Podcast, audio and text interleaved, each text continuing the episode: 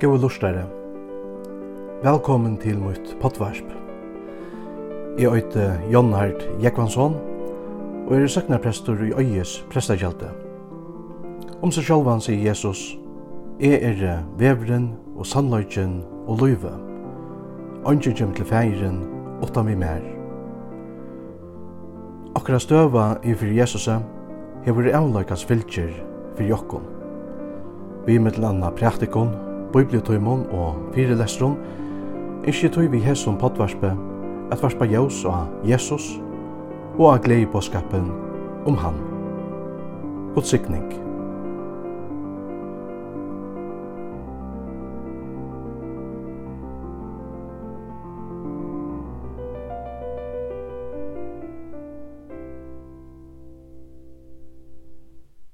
Hevast vit fer etter fer vera mynt av deian, og at det òsne er okkon leia øyna for at dodja, så jobbar korsene ein gledebåskapur til okkon i det om det sælo. Himmelrøyke er torra, det skulle få trost, det skulle være mekta, det skulle få miskunn, det skulle suttja god, sier Jesus. Men hverje er jo hese sælo? Hette den samme spurningren som vi har hørt om i lestren fra oppenberingene, har vi lest om hvordan apostelen Johannes ser hinn ståra kvita skæran i himmelen, så vi tar snja sunnkjom i det. Og ta Johannes spyr, eller freknas etter hver hese er, så vil det sværa, er og tøyr som kommer er og trångtene miklo, og har tvige klæinsunne og gjørste kvit i blåve lamsens. Hekter ero og grunnene til sælo de og jeg tvige klæringsrunne og blóa lamsens.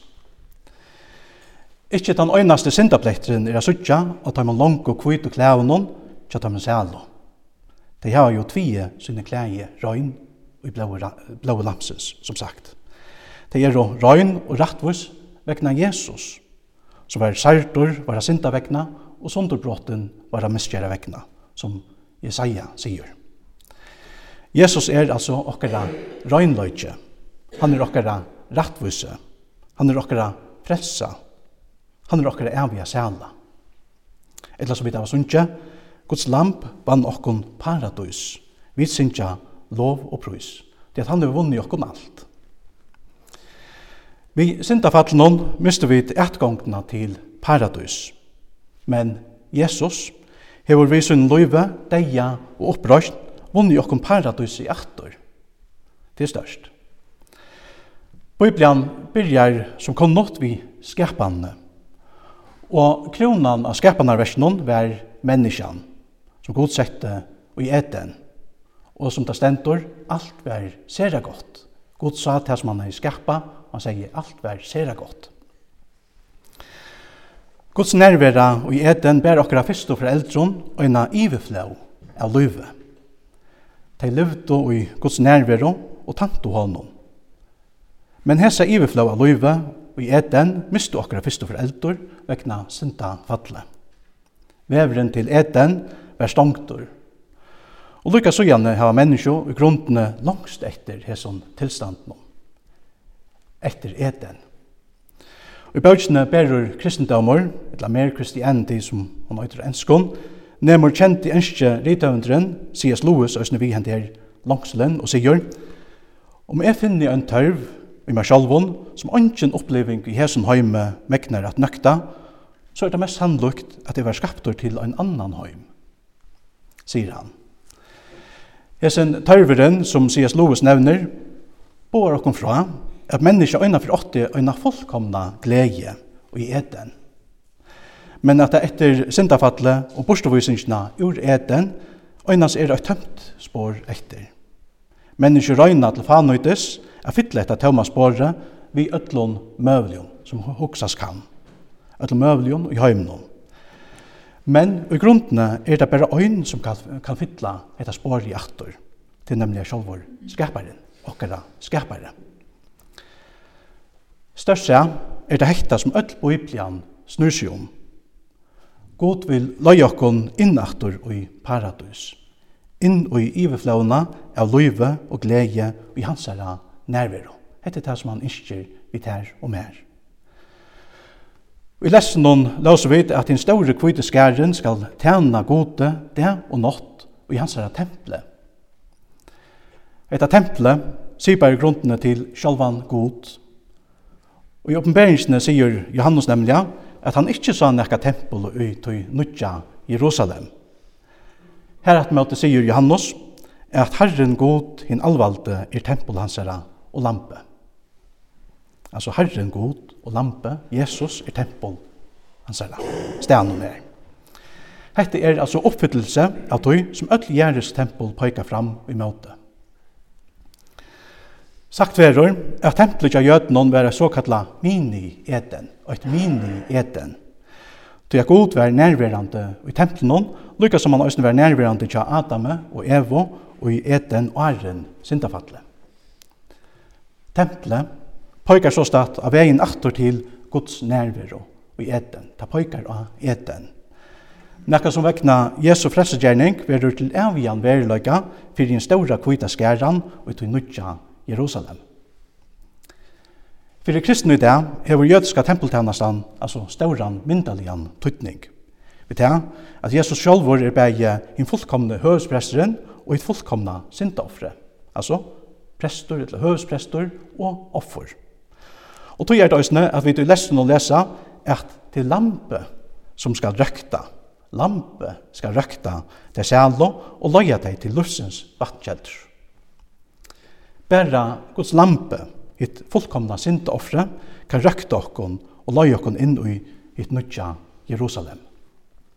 Etla som vi lesa i Hebreabraunon, er det stendur.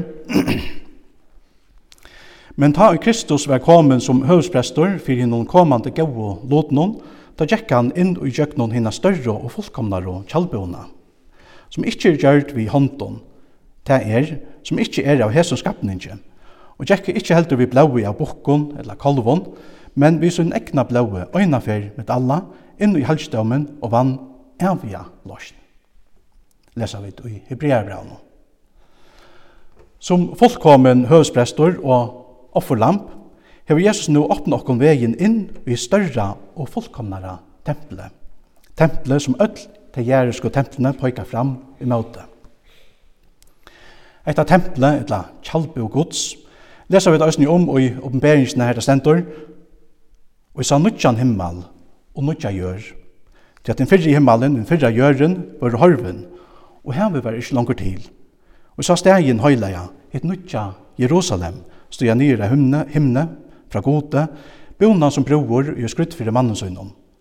Og jeg hørte i herre rest fra hasatten noen som sier, så i kjaldbo gods er kja menneskene.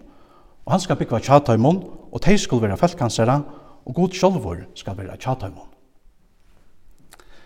Og menta sted, sier Jesus øsne sjálfur, i fægirsmunds hus er mennesker bostæger. Vær det ikke så, hei sagt det til han, til at jeg færre bostur at tilbyggva sted fyrir tikkon, sier Jesus. Og ta jeg færre bostor, og heve tilbyggva sted fyrir tikkon, kom i aktor og skal tekka tikkon til mun, til tess at her som er er skulle tid øsne vera. Så jeg sier årene pøyga av det som god vil vi tær og mer, A vera saman vi ser i hans herra halvstående, vi atler av. Vi tar bare en til jæreska bostegen og gjerne stutta tøy. ta vera vi mynta fer etter fer. Og i okkara stilla sinne er jo det er jo flere av okkon som minnast og landjast etter omkron kærum som vi misto. Men Jesus han trøster okkon og i okkara sakne og sorg og sier Hjertet tykkara veri ikkje øktafullt. Og minner okkon ha at eit betri eden er fyrir framman. Jeg færre bostur at tilbyggva sted fyrir tikkon, sier Jesus. Hinn sanne og evige halsdomren bojer etter okkon og ut i himmelska rujtnån, som vi langt nu hava borgaraskap i. Og som vi skulle njóta til fullnær, tar vi noa male fyrir okkara trygg, som Petter sier, frels og sanana.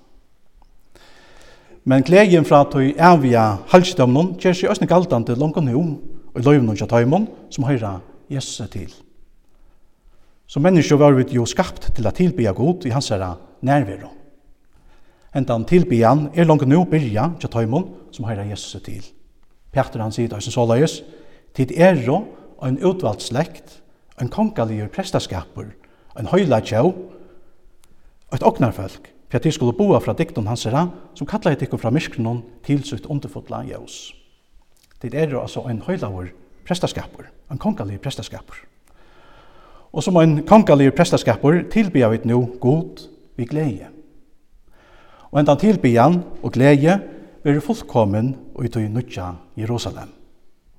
Den største gleden som vi overhøver kunne oppleva og i hesson foldarløvnån er bare en liten forsmakker av de evige og fullkomne glede som vi kommer til njøta ut i nødja Jerusalem. Ta kjaldbøk gods er tja okkom, som det stendt skriva. Ta god bor tja okkom. At njøte gods nærvero er den øyneste gleden som kan nøkta okra sal, mannasalna til fullnar. Det er jo det som vi var skapt til. Og hessa glede har vi nu finnes gongt til vi Jesus. Så, og i hånden øya vi møyra enn vi nekrant vi kunne fætta. Og sankur tja Lino Sandell sier det så vel. Og Jesus lett opp mun i eio, at mun ogn i suttja kan.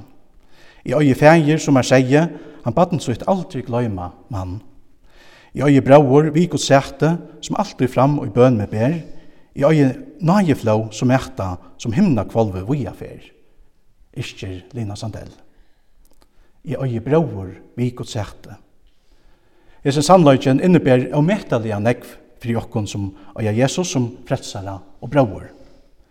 Etta mersi jo at vi vi Jesus hava finnje fruja gongt til Guds uh, halgjedom og sætte. Det er ikke som hindrar okkon å komme fram for god. Og dette er jo det som Guds år boar okkon, tar vi i samband med Jesu deia av krossen, lesa, at forhengje i templen og skrattnaje i tvei, ur erva og lykka nyer i tjøknum. Etta viser okkom at vevren til gods nu er åpen fyrir tær og mer. Det er ikke langer tørvra sinta offron og blaue av bukken og kalvon fyrir at narskast gode. Det er Jesus er sjalvor i fullkomna sinta offre. Og hvis er noen løyve, deia, opprøysten og himmelsfer, Hef Jesus nu gjørst okkon ein vei, så fører okkon alla vegin til Guds sete. Kvenn det, kvenn tøyma, kvenn, minutt og hver sekund i okkara løyve, heva vi gongt til Guds sete. Det at vi øya ein braur her, sidan vi høyre hånd Guds. Og en dag skal vi sutja han anlid til anlids, og hit til nutja Jerusalem. Og om hendan himmelska sted, hetta himmelska eten, lesa vi tøysene. Og stegin noen tørver heldur ikkje sjål, etla mana, etla lysa kja seg, til at dårlig gods skuiner av han, og lampe er lampa hans herra. Og falkasløyene skulle genka og jausi hans herra, stend skriva i oppenberingsene. Hetta rujtjødøme, som vit øya og jesse, er så størst og avfærteligt, at vi bare må takka under vi Lino Sandell og synkja avhaldande i okra løyve, og Jesus lett opp min i eio at munna ogn er sutja kan. Og i det, alle halkana sånne det, minnes vi til en særlig hatt okra kæro, som ikkje langer er okra middelen.